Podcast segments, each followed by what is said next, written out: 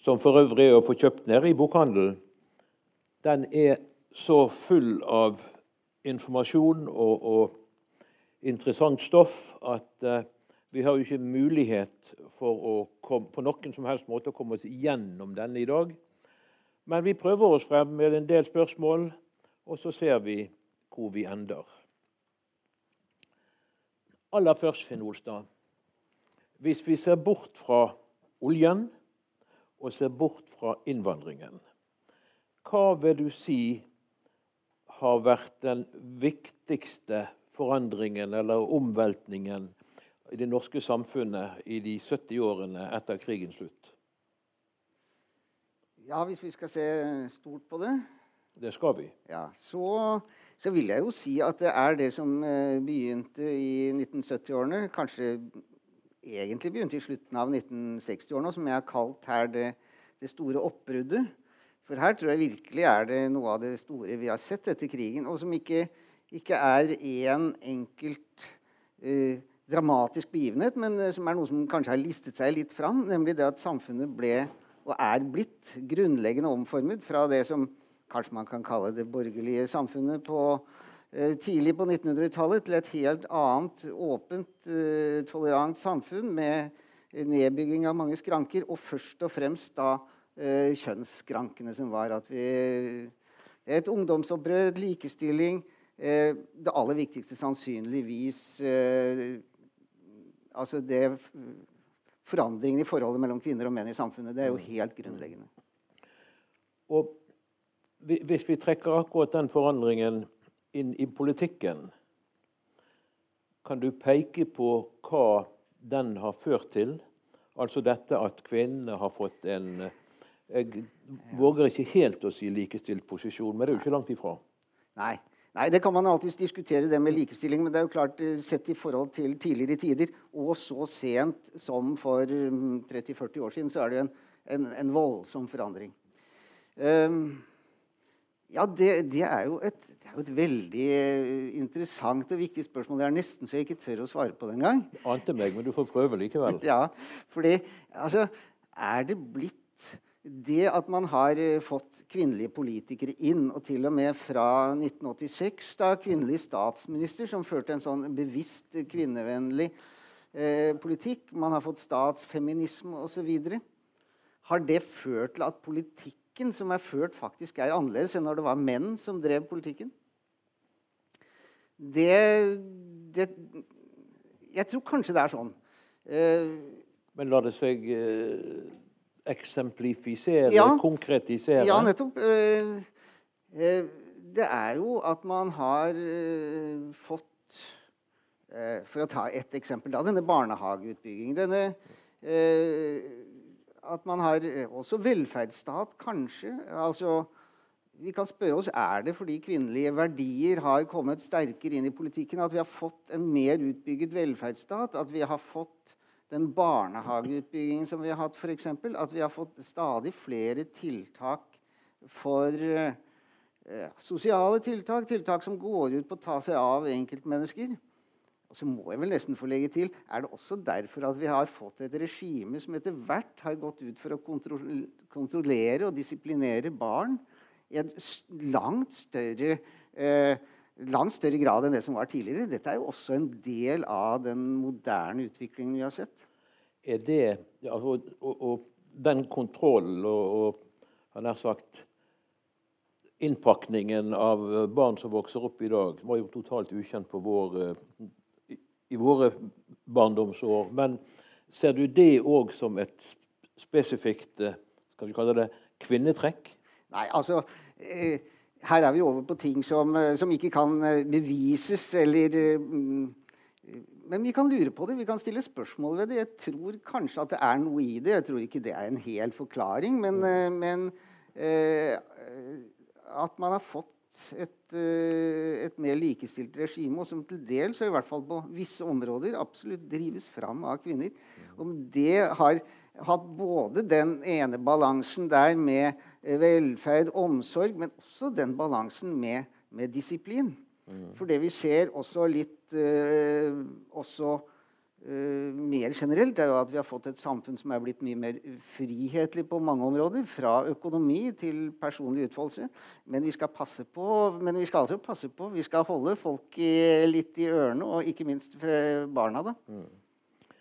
Du skriver jo òg at velferdsstaten ble den spesielle maktarena for kvinner. Mm -hmm. Og Da er det jo selvfølgelig nærliggende å spørre hva har de brukt den makten til? Ja, og det, det, er jo Altså, omsorg er jo makt. Og makt kan være omsorg. Så det, mm. det er jo ikke uh, den, den, som har uh, ansvar og kan gi omsorg, vil jo også forvalte makt. Og det er jo også fra eh, statsminister og ned til den enkelte ansatte f.eks. på sykehjemmet, så er det jo en form, en arena og en utfoldelse for å det er, eh, det er, for eh, arbeid, tjene penger, sosial status, men også for, for makt i, i, forskjellige typer relasjoner. Det betyr altså at kvinner også på den måten er kommet mer på linje med menn. da. Og Det der er jo gjerne en type makt vi kanskje ikke tenker så mye over. Selv om vi ofte ser den utfoldet på uh, sykehjem ja. og hvor det måtte være. Ja, nettopp. Og det, det er derfor jeg, jeg syns det har vært litt moro å skrive om det. fordi det, det, gjøres jo egentlig ikke så mye ut av akkurat det. Nei, det er vel en type makt det heller ikke har vært forsket for mye på. Nei, jeg tror ikke det. Derfor så vil jo disse bemerkningene jeg har her og i boka, også bli litt sånn foreløpige og litt sånn tolkningsmessige. For det finnes jo ikke, mm. som jeg kjenner til, virkelig har forskning på dette. Du nevnte òg ungdomsopprør som et stikkord for omformingen på 70-tallet. Jeg registrerer jo, og tror jeg er enig med deg òg, i at eh, det såkalte 68-opprøret, det var ikke rare greiene her i landet. Men så snakker du om et ungdomsopprør på 70-tallet som var desto viktigere. Hva består det i? Ja, det består jo i at uh, grensene for hva som var tillatt på veldig mange områder, ble flyttet. Uh, og det er ikke sånn som man ser så veldig godt umiddelbart, men når man uh, på en måte stiller seg og ser bakover i historien, så ser man jo at det, det er jo et vannskille fra alt på alle måter. Og det gir seg jo et uttrykk i, i klesdrakt og, og, omgangsformer. Men det er jo på en måte overflaten. Det er en slags form for, en slags form for mer tolerant, åpent uh, samfunn som vi har fått. Og nedbygging av veldig synlige klasseskiller.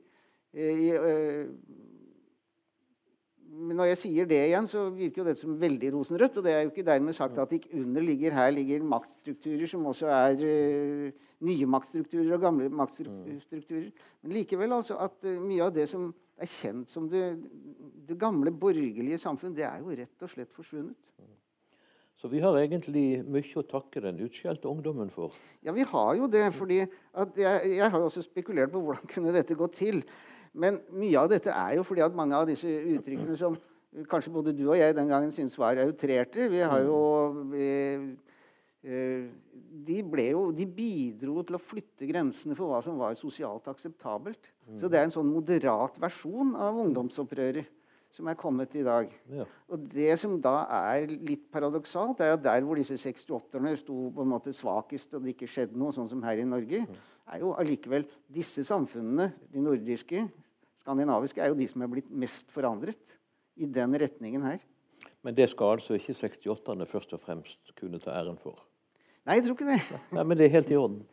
De har nå tatt æren for så mye likevel. Ja. Eh, du nevnte dette med at de òg der ungdomsopprøret òg eh, bidro til å bryte ned grenser. Eh, er det rikt, altså, vil du si at vi i dag lever i et klasseløst samfunn, eller er det bare det at klassebevisstheten på individnivå eh, har eh, smuldret bort? Ja, det er jo spørsmål hva, hva er klasse? Det kan jo være så mangt. Jeg har jo skrevet mye om klasse i andre sammenhenger også. Og i forhold til det klassesamfunnet som er beskrevet fra 1800-tallet og langt inn på ja, 50-, 60-, 70-tallet, så lever vi på en måte i et klasseløst samfunn. Vi lever i et klasseløst samfunn på den måten at man snakker ikke lenger om klasse. Klasse er ikke noe som er med i bevisstheten. Men samtidig så er det jo forskjell på folk. Det er sosiale Nemlig. Forskjeller. Og dette med klasse kommer kanskje jeg, jeg har vel kanskje registrert nå en litt sterkere bevissthet igjen på, på dette med klasser. Kanskje i de siste årene. Hva tilskriver du det? Nei, det jeg Altså Det er øh, På en måte så har jeg nesten ikke kommet så langt her. Men altså, det er nok noe som øh, det, er, det er diskusjoner nå som går på øh, øh, ting som skjer. ikke sant? Det, det kan være innvandring, globalisering på andre områder, som treffer folk ulikt. Og så får man da bruk for klassebegrepet igjen. fordi at her ser vi at her er det her faktisk folk sosiale og politisk forskjellige interesser. Ja. Men vi har jo altså levd i et uh, samfunn så lenge at vi har ikke særlig mye språk til dette. Uh, for uh, jeg la jo merke til en gang i en sånn eh, Når ungdom skulle, skulle snakke om klasseforskjeller, eh, da snakket de om sosial apartheid. Man, ja. ja, altså man har ikke lenger det språket. Man har ikke den bevisstheten. Og, Så på mange måter er jo i hvert fall klasse forsvunnet fra den sosiale og politiske scene. da. Ja. Men det ligger jo under der på et vis. Ja, for, for dette betyr vel ikke at det likhetssamfunnet man både drømte om og snakket om etter krigen, ble en realitet? Nei, altså de sosiale forskjellene har jo økt, og de har jo, det har jo vært framme i valgkampen nå, men mm. det har jo økt lenge. Ja. Eh, I hvert fall siden 80-90-årene, kanskje til og med før. Så eh, det har du ikke. Men på en annen side så har jo gulvet blitt så mye høyere, da. Så at vi, vi har jo et Allerede i slutten av 50-årene så ble det jo sagt fra Arbeiderpartiets side at ja, eh, hadde vi visst dette her, altså I forhold til det vi drømte om i 20-årene, så skulle vi trodd at vi hadde nådd sosialismen. De hadde jo ikke, De hadde et kapitalistisk velferdssamfunn, men det var i grunnen det de hadde drømt om den gangen. Det velferdsnivået kom opp dit. Velferd, utdanning, med like muligheter. Nei, og, og det, det totale likhetssamfunnet det fins vel egentlig ikke annet enn i ikke. teorien? Eh, I hvert fall ikke på høyt nivå. Da blir det på et så lavt nivå at, det er nesten ingen greie, at eh, alle strever med å overleve. da. Du skriver innledningsvis at Norge valgte en særegen norsk vei, og en historie som ikke helt ligner alle andres. Hva legger du i det? Ja, det er jo, det er jo også en for, eh, Før det har jeg vel sagt at eh, Norge, var, eh, Norge er et lite land. Et lite land i verden, og vi har måttet forholde oss til det til enhver tid. Veldig mye av det som har skjedd i Norge, er jo reaksjoner på det vi er påført fra utlandet. Enten det er utenlandske statsmakter, eller det er økonomiske krefter, eh, befolkningsendringer, vandringer osv. Men allikevel så er det allikevel noe vi har gjort i Norge som er eh, på en måte vårt eget. Vi har måttet eh, reagere på impulsene på vår måte. Vi har hatt våre forutsetninger. sånn at det, det er på en måte verdt å diskutere innenfor en nasjonal ramme. da. Kan du konkretisere dette? Ja, det, det, det gjelder jo på en måte det, det meste, selv om kanskje veldig mye av utenrikspolitikken har vært så Vi har vært så mm, underlagt f.eks. USA at det ikke har vært veldig stort spillerom. Men vi har hatt, vi har hatt et ganske bra spillerom på mange måter økonomisk. Altså det eh, Hvis du hadde spurt meg innledningsvis om det viktigste, bortsett fra oljen og innvandringen, enkeltbegivenheten, Eh, Da hadde jeg sagt folkeavstemningen i 1972, som gjorde at vi da ikke ble stående i, i nåværende EU, det som nå heter EU. da. Men det har jo også gitt et økonomisk mulighetsrom. Eh, Det ga et, i hvert fall en eh, 20-30 år et mulighetsrom som mange andre land ikke hadde, og som også gjorde det mulig å bygge opp denne oljeformuen, f.eks. Eh, i, i, en mer, I en annen situasjon hvor vi hadde vært medlem av EU, har ikke det vært mulig.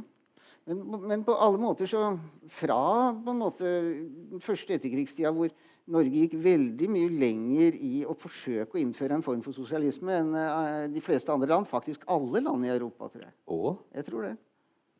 Altså, Ikke det at man lyktes, men man, nei, nei. man fikk jo da et slags kompromiss. Men eh, de ambisjonene man hadde de, om å styre og dirigere næringslivet, de var større i Norge enn så vidt jeg kjenner enn i noe annet europeisk land. Du skriver jo òg i sted at uh, Brattelis pragmatiske uh, tilnærming ble viktigere eller ga klarere resultater enn Gerhardsens mer uh, ideologi- eller politiske idealer? Ja, fordi uh, hans, uh, hans visjoner om å innføre en form for sosialisme førte jo ikke fram. Uh, ble, Norge forble, ble jo et kapitalistisk velferdssamfunn isteden. Så på en måte er det jo denne pragmatiske holdningen som Bratteli har stått for, som er, er, blitt den historiske seierherre. da. Allikevel er det jo Gerhardsen som er blitt stående som store politiker. Ja da. Det er rart med det når du har vært landsfader i ja. nesten 20 år. Ja. Men denne her eh, bratteliske pragmatismen, det var noe han jobbet for hele tiden, det? Som bakspiller, som statsråd, som ja. statsminister, den korte tiden det var?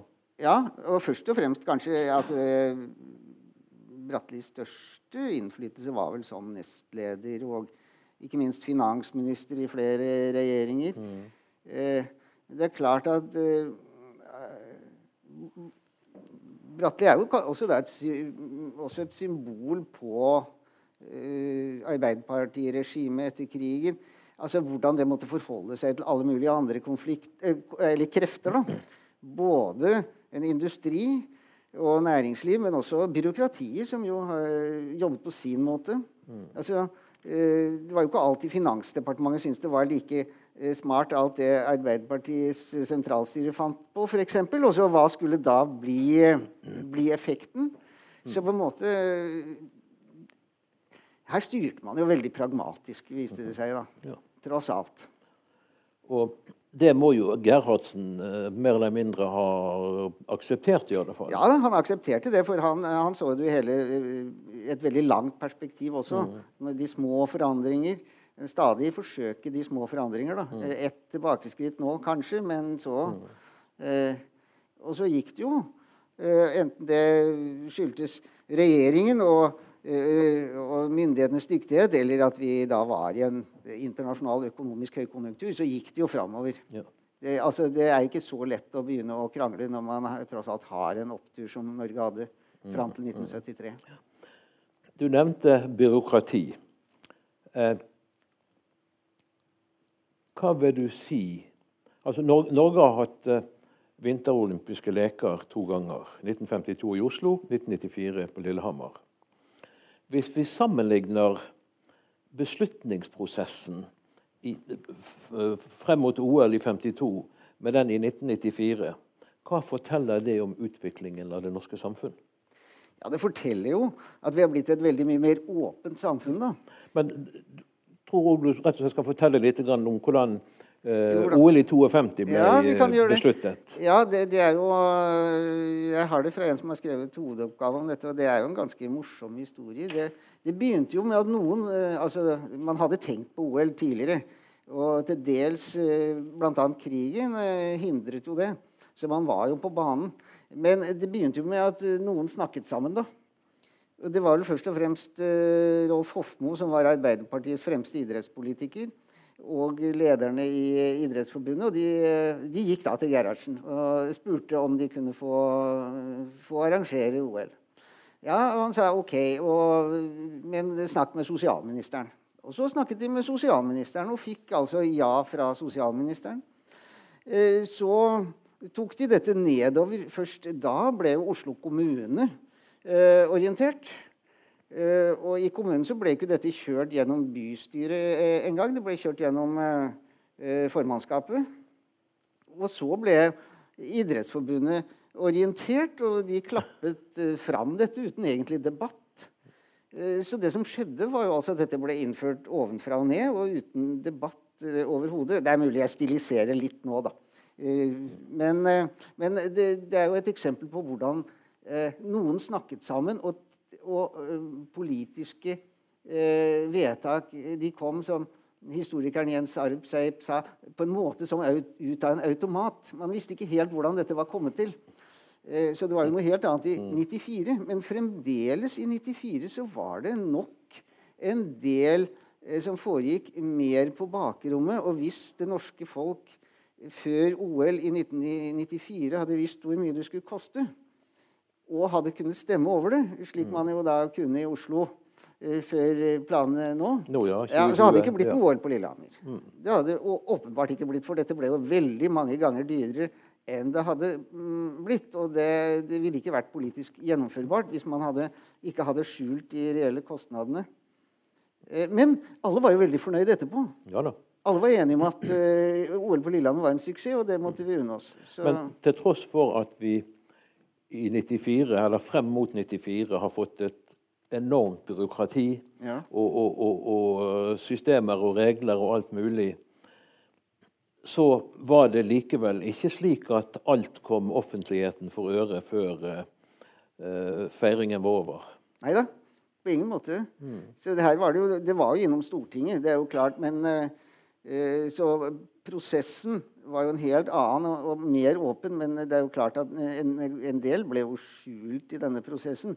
Altså Delvis hadde man jo ikke oversikt, da. Det var jo svære Nei, nei. greier, så man hadde ikke oversikt. Men, men eh, den eh, eh, så, Som sagt, altså det det kostet jo mer enn det som ville ha vært akseptabelt før lekene ble avholdt. Ja da. Det er vel litt sånn nå, kanskje. Vi får se etter sykkel-VM. Ja, det er ting som tyder på at det kan bli en uh, heftig regning som noen må betale. Hvis vi går tilbake til etterkrigsårene, hvorfor fikk sosialøkonomene så stor innvirkning på samfunnsutviklingen? Ja, det kan nok også være Det er litt særnorsk, selvfølgelig. I alle land var det sånn, men kanskje litt spesielt i Norge. Og det var jo også fordi at de passet som hånd i hanske med Arbeiderpartiets eh, planer for modernisering og omforming av samfunnet. Også i, i sosialistisk retning. Og da var jo planstyret eh, det som eh, sto på dagsordenen. Her trengte man jo eh, økonomer. Og man trengte byråkrater også på andre områder. Så, eh, så det ble en slags symbiose da, mellom, mellom eh, Arbeiderpartiet og det politiske og de faglige miljøene som da bygde seg opp.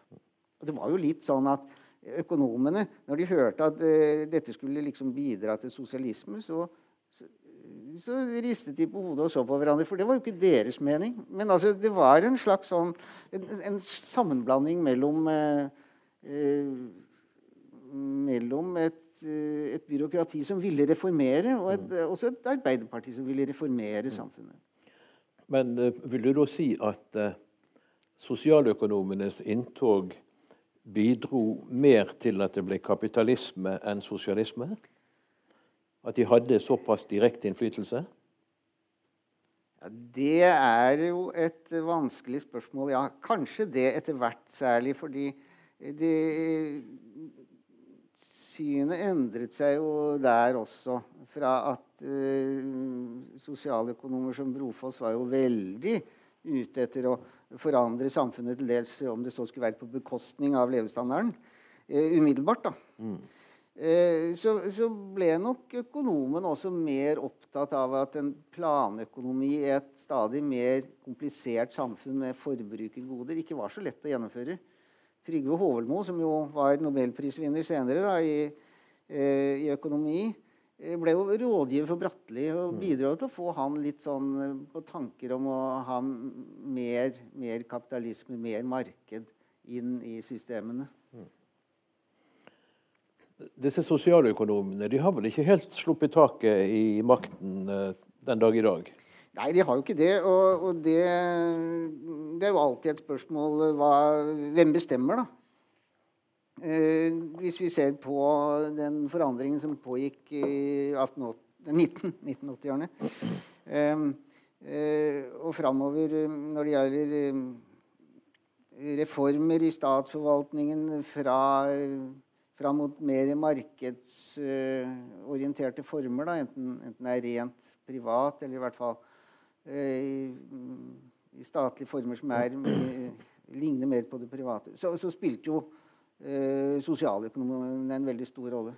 Man kan jo diskutere om det er så mye Høyre og Arbeiderpartiet, men om det kanskje er figurer som Tormod Hermansen, Hermod Skånland, altså sentralbanksjefen den gangen, eh, som er de virkelige drivkrafter her. da.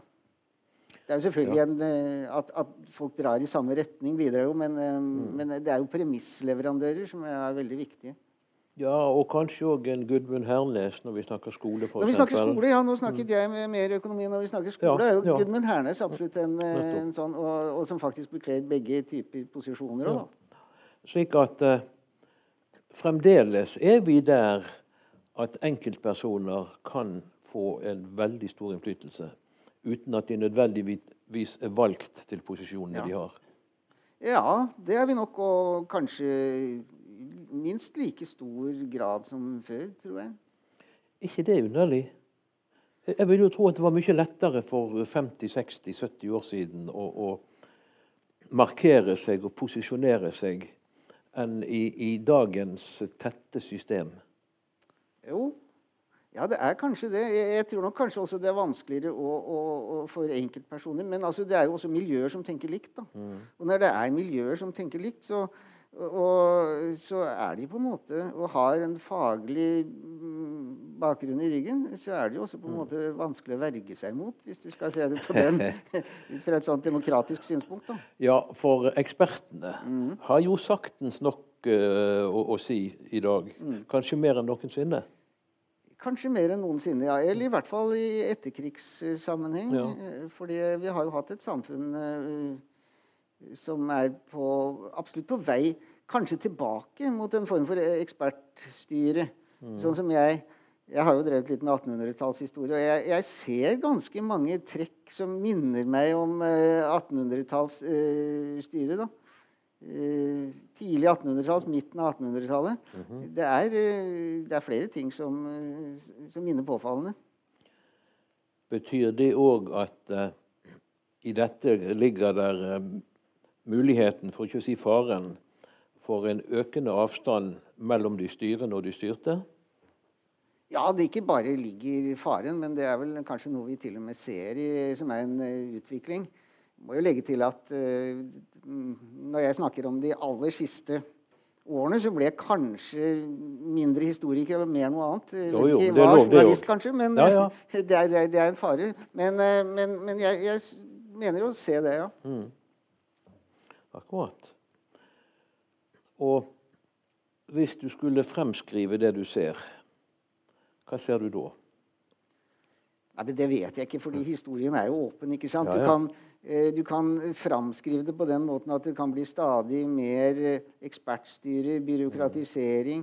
Eh, eh, politikere som blir stadig mer like hverandre, stadig mindre å velge mellom. Det kan du jo se, men du kan jo også se at dette kan føre til en motreaksjon.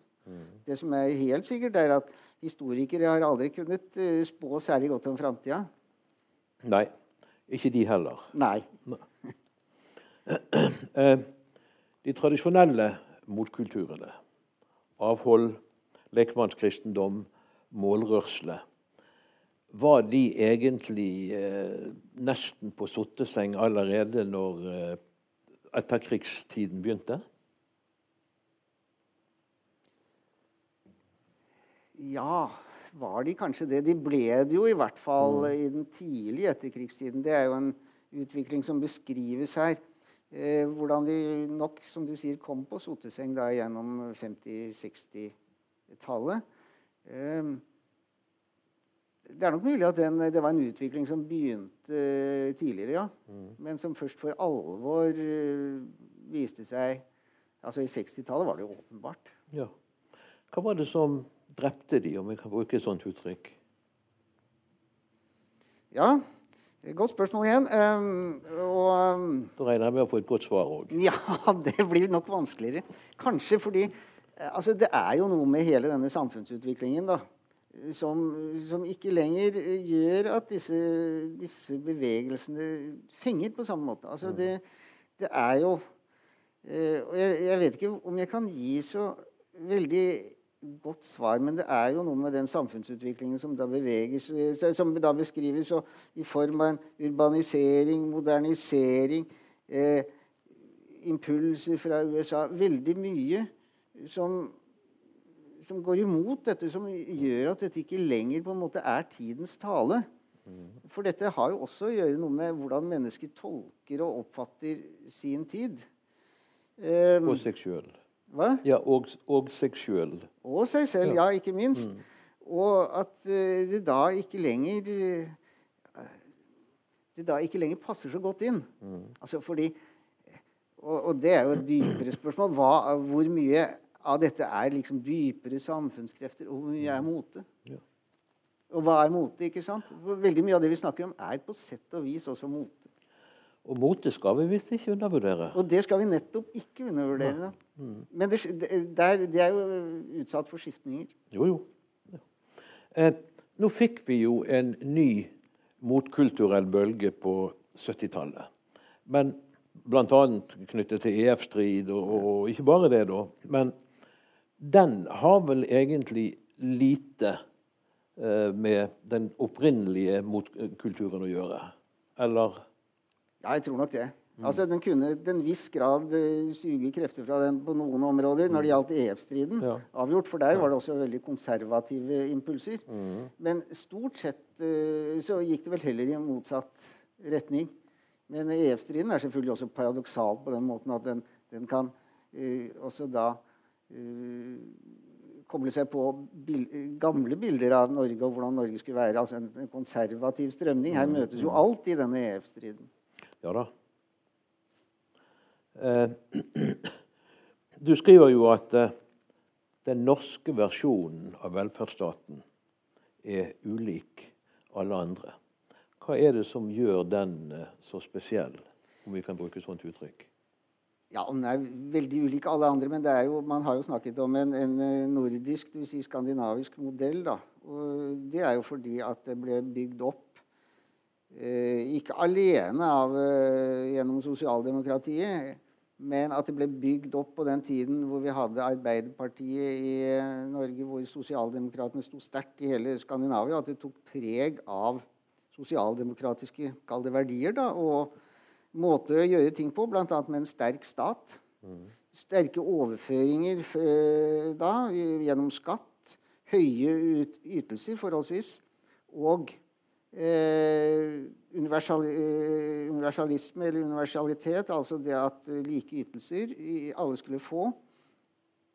Så mm, velferdsstaten er jo, er jo Det er jo mer eller mindre et felles trekk for Europa i etterkrigstiden. Men eh, det ble bygd opp på en spesiell måte, med nettopp i en statsvennlig atmosfære av uh, sosialdemokratiske partier som ønsket at staten skulle ta over mer og mer av, uh, av styring. Uh, og kanskje Det er noen små forskjeller på Norge, Danmark og Sverige men det er vel først og fremst en, en skandinavisk løsning. Ja. Men om noe så ligger jo Norge på den mest statspositive siden. da. Ja, det gjør vi vel. Det Som, som vanlig, hadde den er sagt. Ja. Mm. du var innom urbanisering. Og, og, den begynte vel for uh, alvor å gjøre seg gjeldende for la oss si på 60-tallet og utover? Ja, det, altså det, en, uh, det, har jo pågått i hele etterkrigstiden. da. Jo. Og, og hva, hva, er de viktigste drivkreftene? Ja, Du kan jo lure på det også. Det er selvfølgelig økonomisk. altså Oppbygging eh, i eh, etterkrigstiden er jo industrialisering. Det er jo i, i industri industrien som har eh, um, Og bynæringene ellers, selvfølgelig, eh, som gir arbeidsplasser. Jordbruket eh, blir jo da stadig, stadig, mer effektivt, så effektivt at det ikke lenger gir rom for særlige arbeidsplasser. Mm. Og eh, tilsvarende eh, fiske, og særlig kombinasjonsbruk i fiske. Da. Det er først og fremst eh, fiskerbonden som går tilbake. Så det er avgjort sånne økonomiske årsaker. Og det, dette ble jo også bevisst eh, støttet politisk, eh, denne overgangen eh, til industri, til byliv. Men det er jo også noe med at bylivet trakk, da. Mm. For det, det, det, skal man heller ikke se bort fra de mentalitetsendringene der. altså. At det ble jo sagt det at disse jentene på bygda de, de ville jo ikke lukte ku. De ville dra til byen og bli ja, ja, det er nok å lese uh, Alf Prøysens ja. 'Trost i taklampa'. Mm. Så uh, ser vi det der. Men uh, vi snakker gjerne om at det i Norge kom en relativt sterk urbanisering. Men hvis vi sammenligner oss med andre land i Europa, og for den del trenger vi vel ikke gå lenger enn til Sverige, Nei. Da ser vi vel en urbanisering av en helt annen styrke enn ja, den vi opplevde. Ja, ja, det er jo riktig, for det. Nå, nå resonnerer jeg veldig sånn allikevel innenfor norske rammer. For ser vi ja, i forhold til Uh, til f.eks. Sverige, så er det jo noe helt annet. Og, det, det, også, og det, er jo politisk. Ja. Det har jo veldig mye med at man tross alt uh, At f.eks. Arbeiderpartiet var en koalisjon mellom uh, industriarbeidere og f.eks. småbrukere mm. og folk med bakgrunn i landsbygda. At man nok også hadde det, og at man også hadde andre partier som man måtte, tross alt måtte lytte til. Mm. Arbeiderpartiet var ikke så enerådende selv om man hadde flertallet. Og man hadde bøndene og deres organisasjoner å forholde seg til. Så eh, det er jo også klart at eh, en helt annen politikk i Norge enn i Sverige på mhm. det området der. Ja. Så skriver du at nedbrytingen av autoritet var sterkere i Norge og Skandinavia enn i andre europeiske land. Og du begrunner det med arbeiderbevegelsens og sosialdemokratiets sterke stilling. Det må du nesten begrunne litt. Ja, Det er jo også en tolkning. Det er jo, som vi var inne på eh, Selve 68-erne og dette berørte jo ikke Norge så sterkt. Men vi fikk et samfunn som ble veldig sterkt forandret i tolerant, antiautoritær retning. Også på den måten at man bygde ned de kollektive strukturene som Arbeiderpartiet hadde stått for. Altså man, den kollektivismen i hvert fall eh, ble jo veldig mye erstattet av individualisme. Man kan lure på hvorfor skjedde dette så sterkt i, i de skandinaviske land. Ikke minst i Norge, men også i andre skandinaviske land. Og kanskje mest i Danmark. Også i Danmark, ja. Ja, Kanskje mest i kanskje Danmark. Kanskje mest i Danmark. Mm, ja. Kanskje det. Sånn ser det i hvert fall ut uh, for meg, sett ja, fra Norge. Ja. Ja. Mm. Uh, nei, jeg, jeg, ser altså det at, uh, at vi har vært styrt og mer eller mindre, da, men allikevel at de sosialdemokratiske partiene, de sosialdemokratiske verdiene, har stått såpass sterkt, eh, tror jeg er en, en, nøkkel. At de fulgte jo eh, tankegangen i disse eh, I den, eh, den, prosessen som foregikk, fulgte jo langt på vei. Altså på på et vis så grep de jo fatt i strukturer og i motstand eh, som arbeiderbevegelsen ikke hadde turt å gripe fatt i. Mm -hmm. Som f.eks. Eh, kjønnsforhold. Men som de hadde ønsket å gripe fatt i? Det det deler av bevegelsen hadde ønsket det, men deler av bevegelsen hadde absolutt ikke ønsket Nei. det. Så det satt jo mye i hodet der, for å si det sånn. Men allikevel så var det jo eh, i tråd med, med verdier. Mm -hmm. Eh, og, og, Kirken også. Ja. Og seksuell utfoldelse. Også. Eh, mye av dette var jo i, i, tråd med i hvert fall deler av arbeiderbevegelsen. Ikke minst på grunnplanet, mm. tror jeg. Slik at det da ikke var så stor motstand. Men altså, når, når, du begrunner denne eh, endringen dels med arbeiderbevegelsens sterke stilling, så slår det jo altså, Jeg har aldri oppfattet arbeiderbevegelsen som spesielt antiautoritær. De kunne være antiautoritære overfor uh, et eller annet styrende regime mm. av annen mm. politisk farge. Ja, ja. Men det var ikke mangel på autoritetstro i egne rekker. Nei, det er jo også riktig. Så det hele det er jo også noe paradoksalt her. Og så lenge arbeiderbevegelsen var en kampbevegelse, var det jo ikke det. De, de så seg selv som en, en, bevegelse som måtte ha autoritet og disiplin. For de skulle jo kjempe en kamp fram til seier. Så det er nok, Men det er snakk om eh, skal vi si, holdninger som allikevel sto sterkt i arbeiderbevegelsen. -hmm. Som gjorde det lettere å, å, bryte gjennom. Men jeg sier jo heller ikke at det var lett heller. da. Det var jo også stor motstand, mm. ikke minst fra toppene i arbeiderbevegelsen. Ja, Og det var jo de som styrte på 70-tallet. Det var jo det. Ja. ikke sant? Så, så, så, det var ikke det at det gikk glatt. Men allikevel så, så tror jeg nok det er i hvert fall min tolkning da, at uh, det at arbeiderbevegelsen hadde hatt samfunnsmakt, og at man hadde vært i uh, posisjon, det gjorde at det uh, tross alt var lettere å finne fram til og, og en form for Kall det kompromiss. da. Mm -hmm. For det er jo Det vi ser, er jo alltid en, en løsning som på en måte er et kompromiss. Det er en godtagbar løsning. Og eh, det store oppbruddet skjedde jo ved at eh, grensesteinene ble flyttet litt og litt hele tiden. Men jeg, jeg, tror altså at motstanden var mindre. Og at det har noe å gjøre med at man hadde et samfunn som, hvor man ikke bare hadde hatt Arbeiderpartistyret på toppen, men hvor arbeiderbevegelsen hadde hatt større spillerom. Og ikke bare arbeiderbevegelsen, men også si vanlige arbeidsfolk, da, tross alt. Men det var jo ikke akkurat AUF-ere som styrte Norge på 70-tallet. Nei, det var det jo ikke heller. De var godt voksne. Ja.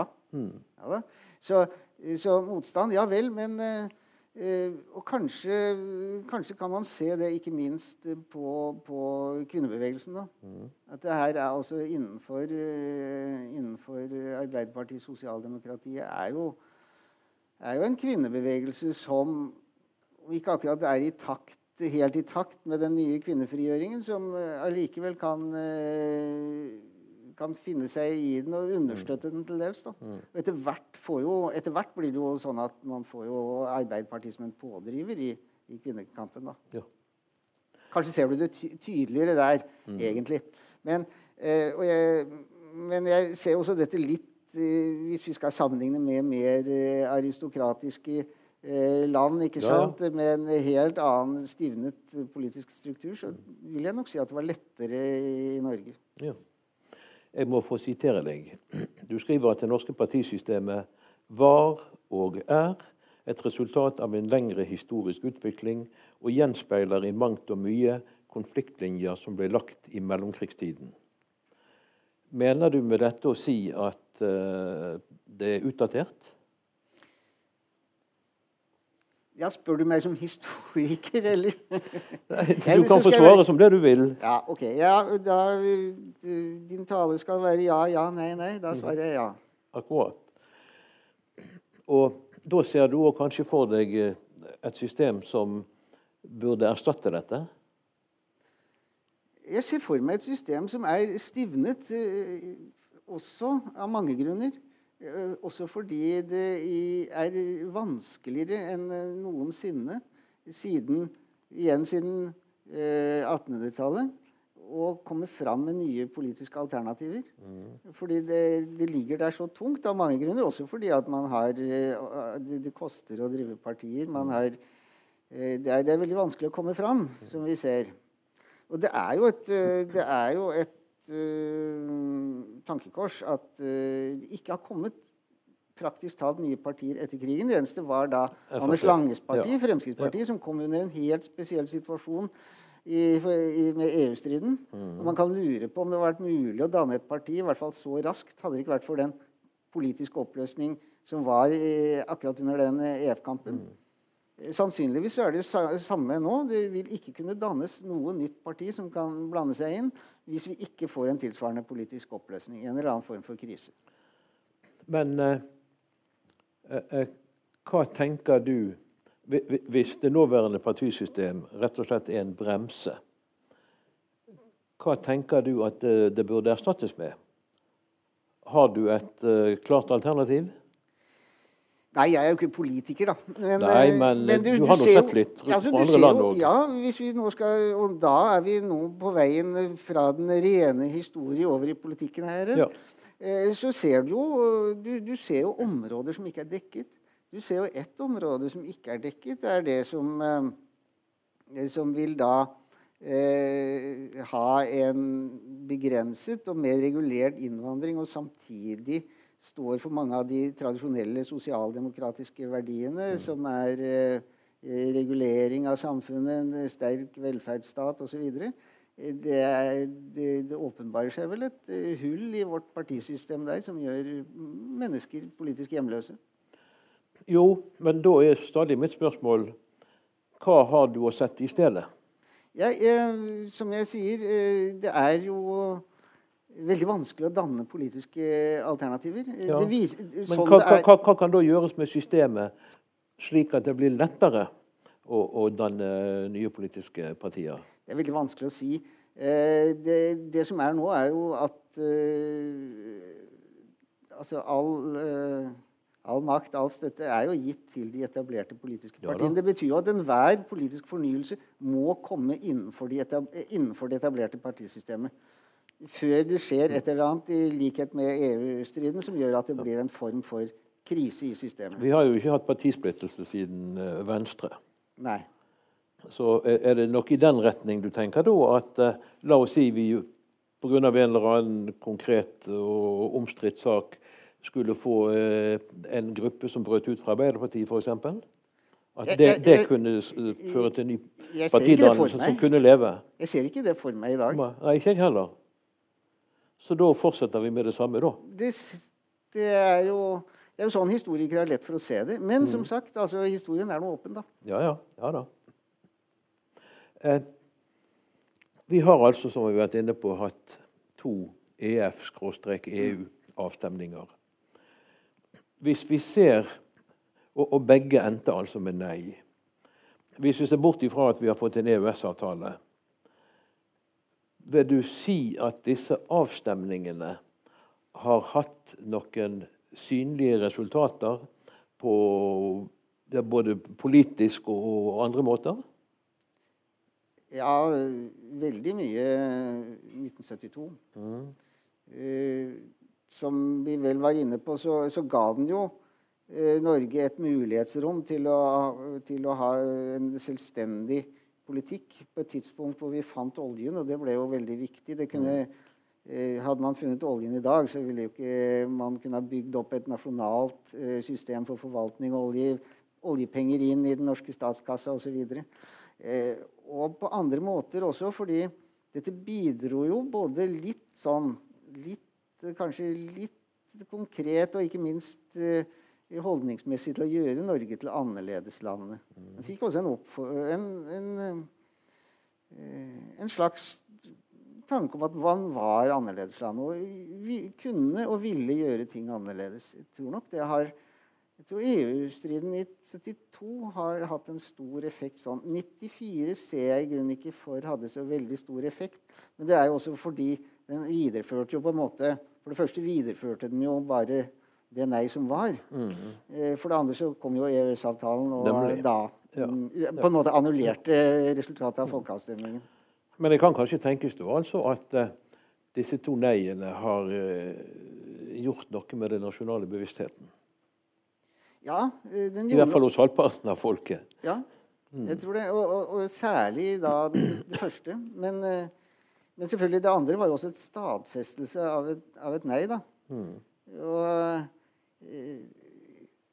jeg tror vi historikere kanskje må ta litt skyld selv her. da, Jeg har skrevet og tenkt for lite om det andre nei, som jo er også veldig eh, Kanskje man kan se på det som eh, også en veldig sånn litt sånn underlig ting. da. Mm. At man fremdeles sa nei på samme måte og nesten med de samme eh, konstellasjonene, konstellasjonene ja. Mm. som i 72. Bortsett fra én viktig forskjell. da, i, mm. i 72 så var det jo ungdommen som svingte i nei. Ja. I 94 var det kvinnene. Ja. Nettopp. Anført av Anne Enger Landstein. Mm -hmm. eh, på slutten av 70-tallet, på overgangen 70-80, så får vi jo den berømte høyrebølgen. Hva ser du som de viktigste forutsetningene for den? At den kom, og at den kom da? Det henger jo gjerne sammen. Ja. ja nei, altså jeg tror det har sammenheng med det store oppbruddet som vi har snakket om. Mm. Med den individualiseringen. Dette var jo egentlig altså, eh, Man har snakket om in, det individuelles triumf. Altså, det er litt sterkt, men at eh, det store oppbruddet var jo ikke bare et oppbrudd fra borgerlighet, og sånn, det var jo også et oppbrudd fra det kollektive styringssystemet som man ville innføre gjennom Arbeiderpartiet. Individet ble sluppet løs i, i større grad. Og det lå jo under mye av den radikalisering eh, som var. Eh, men så kom altså høyrebølgen som en stor overraskelse. Fra venstrevind til høyrebølge, liksom. Eh, vanskelig å begripe. Det viser jo også disse metaforene. hvor altså Det kommer jo bare som et naturfenomen. Men, en eh, tsunami? Ja, ja, men det er jo noe annet. Og det, jeg tror at det, det henger sammen. Mm. Det, det, henger sammen, fordi at det, det, er jo den formen for individualisme som man så, under dette, som man så i 70-årene, som danner forutsetningen for det som skjer senere. At det da gikk over til partiet Høyre, som på en måte var den som kunne stå for sånne holdninger. Eh, Ja, det er jo ikke noen tilfeldighet, og det er logisk nok. Men altså, det er heller én utvikling enn eh, en vin vind som kommer fra den ene siden, eh, og en bølge som kommer fra den andre. Det, er- det er en logisk sammenheng mellom oppbruddet fra de gamle strukturene, eh, fra Arbeiderpartiet også, eh, mot eh, den høyrebølgen som kommer fra slutten av, av 70-årene. Og det er et generasjonsfenomen. Så den er en slags eh, videreføring, så å si, bare med en eh, noe annen farge. Ja, også Det typiske er jo at det er et generasjonsfenomen. Generasjoner, Vi snakker jo for lite om generasjoner. ikke sant? Vi snakker om partier og klasser, men for lite om generasjoner. Ja. For det som var tydelig, var jo at nesten alle altså nesten alle over, nesten alle som var født eh, før krigen, holdt på det gamle De som var Veldig få av de som var født etter 1950, sa i slutten av 70-årene at de kunne tenke seg å stemme på Arbeiderpartiet. Eh, At norsk politikk dreide seg i økende grad i markeds, eh, markedsøkonomisk retning, det er jo et eh, uomtvistelig faktum. Men du overrasker meg litt når du skriver at eh, den eh, dreiningen har Arbeiderpartiet mer av skal vi si, skyld eller ansvaret for enn det er vanlig å, å mene. Ja. Hvordan begrunner du det? Ja, dette er jo for så vidt nå eh, anerkjent, da. Og eh, i, ja, av økonomiske historikere. Det er jo for så vidt ikke noe jeg har funnet på. Jeg skal ikke ta æren for det. Men eh, man ser jo det at det i slutten av 70-årene var, klar, var klare planer fra Arbeiderpartiet om å, å gå over også i mer markedsmessig retning. Det gjaldt industripolitikken, det gjaldt rentepolitikken. Lavrentepolitikken, som var noe av eh, kjennetegnet ved Arbeiderpartiets eh, eh, styring. Det ønsket man på slutten av 90-årene å gå vekk fra. Og det hadde jo sammenheng med den økonomiske krisen. Så man forsøkte jo å komme denne krisen til livs med tradisjonelle grep. Det lyktes jo ikke. Man fikk jo denne blandingen av stagnasjon og inflasjon. Og det er jo her altså at økonomer, fagøkonomer, kommer sterkt inn i bildet og også får med seg ledende Arbeiderpartipolitikere på laget mot å la, med, med å bremse på eh, Sette bremsene på. eh, Og da gå mer over i markedsøkonomisk retning. Så det, det er før Willoch. Akkurat. Hvem er disse eh, Arbeiderpartipolitikerne? Ja, det er jo Per? Kleppe, f.eks. Ja, ja.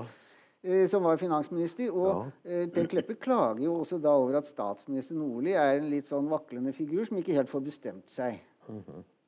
En Hamlet, kaller han faktisk. um, så eh, Men det er jo også fra en del fagøkonomer da, så blir jo dette ikke sett som noen stor overgang, men eh, som at man hatt en utglidning i 70-årene.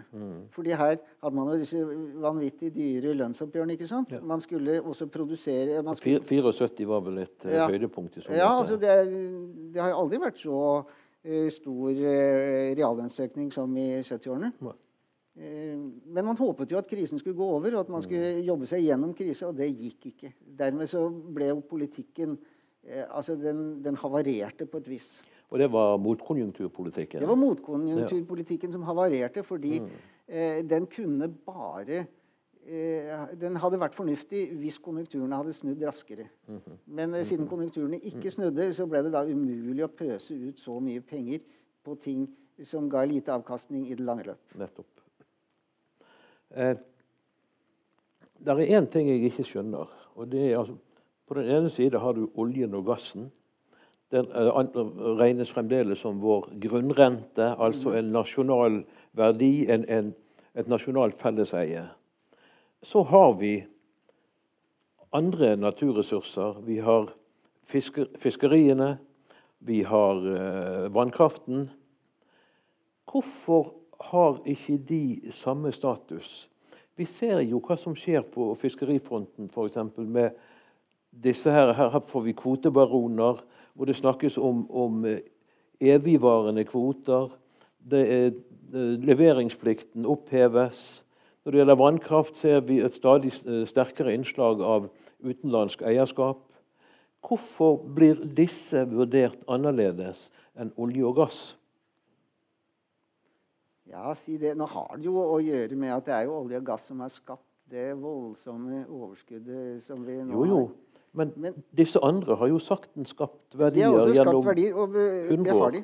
Noe av det som, som vel jeg Som overrasket meg når jeg eh, skrev denne boka og eh, Det er jo klart at eh, når man skriver om alt dette så bredt, så er det jo mye man ikke kan så mye om på forhånd. Eh, det var jo hvor store ringvirkninger olje, oljen har i det norske samfunnet. Det er slett ikke bare det at man tar opp uh, oljen. Det har jo voldsomme ringvirkninger. Leverandørindustrien, tenker du da? Eller? Leverandørindustrien og ja, helt fram til forskningsinstitusjonen mm. osv. Mm. Altså, det er snakk om noen Tidligere da, så har man kanskje sagt 300 000. Det, det, er, det er, ikke lett å, å beregne, men altså, mm. ringvirkningene er veldig store. Ja, Større enn i f.eks. fiskeri. Mm. Så det har noe med det å gjøre. Men oljen forsvinner. Det gjør forhåpentligvis ikke fisken. Eh, nei. Og heller ikke vannkraften. Nei. Så det hadde vært naturlig at de så disse med jeg hadde nær sagt samme blikk. Altså òg som grunnrente. Ja. Og noe som skulle være nasjonalt felleseie, ja. og ikke overlatt på få hender. Ja da, og nå snakker vi igjen eh, politikk, men jeg skal ja, overhodet ikke være uenig med deg i det. Akkurat. Eh, staten snakker jo ofte, når de eier, om at de driver et aktivt eierskap. Du kaller det en kjempe i lenker. -hmm. Forklar. Ja, tenker vi nå på, på statens det, det eierskap nå i ja. ja. Nei, det er jo fordi at eh, staten nettopp ikke har et altså, statens eierskap eh, ja, det, Jeg holdt på å si at det ikke var strategisk. Det er nok strategisk for så vidt. Men man har jo uh, for lengst oppgitt uh, de ambisjonene man hadde i siden sosialdemokratiske storhetstiden, da å styre og regulere næringslivet. Um, altså, det, det, er jo På få år, eller noen par tiår, så er det et veldig skille her. Einar Gerhardsen prøvde jo hele tiden å få kontroll over eh, over banker og finansnæring. Mm. Han måtte gi opp det fordi, eh, fordi det ble for stort. Men eh, det, det ble, motstanden ble for stor. Politisk? Men, den politiske motstanden? Motstanden fra bank- og finansnæring finansnæringen selv, som truet med noe bortimot en økonomisk borgerkrig. Aha. Det kunne man ikke ha. Mm. Eh, eh, så han måtte da trekke disse følerne tilbake. Det var i slutten av 50-årene. Mm. Eller eh, også eh, vel, gikk vel også over i 60-årene. Men i alle fall, altså, nå fikk jo faktisk den norske staten eh, banken i fanget da de gikk konkurs. Ja. Men de gjorde ingenting.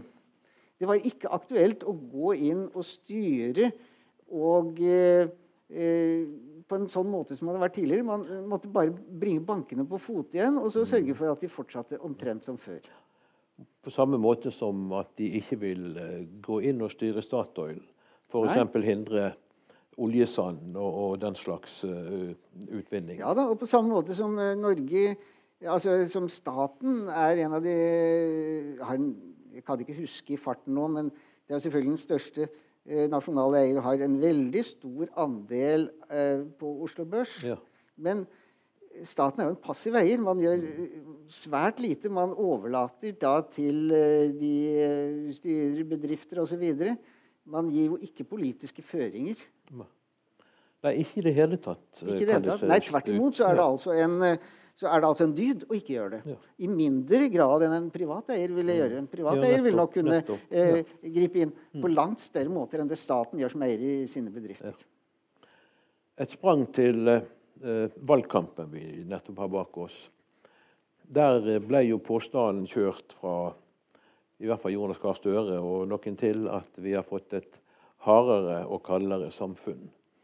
For en historiker som ser det, det tre, de siste trekvart uh, århundre i perspektiv, er du enig i en slik uh, karakteristikk? Eh, hvis jeg igjen skal svare med ett ord, så er det nei. Mm. Nei, jeg, jeg, er, jeg, er, ikke det. Og det kan godt hende han eh, kan konkretisere dette ved å vise til ting som har skjedd i det siste. Men eh, skal vi ta en lengre historisk eh, historie under ett, så er jo eh, selvfølgelig tvert motsatt. Vi har, jo ikke, vi har fått et varmere og mer inkluderende eh, samfunn. Det er jo også et ledd i den lange oppturen. Ikke bare økonomisk, men også på den måten. Ja.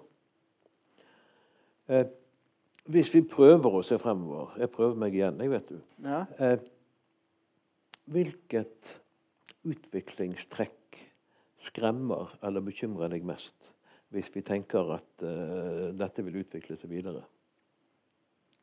ja, nå må jeg kanskje være eh, forsiktig med hva jeg sier. Du kan, Altså, Det jeg- er lov å være litt politisk her òg. Ja. ja. Eh, det, altså, det som skremmer meg mest, det har jo tilknytning til innvandringen. Mm. På en måte er det kanskje ikke innvandringen som skremmer meg heller, men det som skremmer meg, er den tendens til norske, blant norske politikere og opinionsdannere og aktivister eh, til å si at eh, eh, Til å tro at eh, Norge har råd til å gjøre alt mulig på samme tid. Altså eh, har vi Virschaffenes. Virschaffenes Ja, og har vi, har vi altså blitt ødelagt av, eh, på den måten av den økonomiske oppturen. Og har vi vært på den økonomiske verdenstoppen nå lenge. Eh, slik at vi tror at vi kan eh, ha råd til alt, og at vi ikke behøver å tenke på penger, slik som man måtte gjøre i den tidlige etterkrigstiden. Da måtte man eh, holde ting tilbake. Eh, Fordi at man ville ha en spesiell samfunnsutvikling. På lengre sikt så måtte man eh, da være tilbakeholdne. Her virker det som om bremsene da på en måte ikke er der lenger. Og det er kanskje det som bekymrer meg. Ser du at eh, det norske systemet så å si bærer i seg kimen til sitt eget fall? Det er mulig at når man skriver en ny norgeshistorie om 20-30-40 år, at man vil komme til den konklusjonen. Mm, Men jeg håper jo at det ikke skal gjøre det. Og for så vidt eh, så Å diskutere dette kan jo også være et bidrag til at det ikke skal gjøre det. Jeg tror vi må avslutte med det håpet, for vår tid er ute. Det er mye mer vi kunne ha snakket om og kommet inn på, men en time er begrenset tid. Tusen takk, Finn Olstad. Ja, takk Tusen takk til publikum.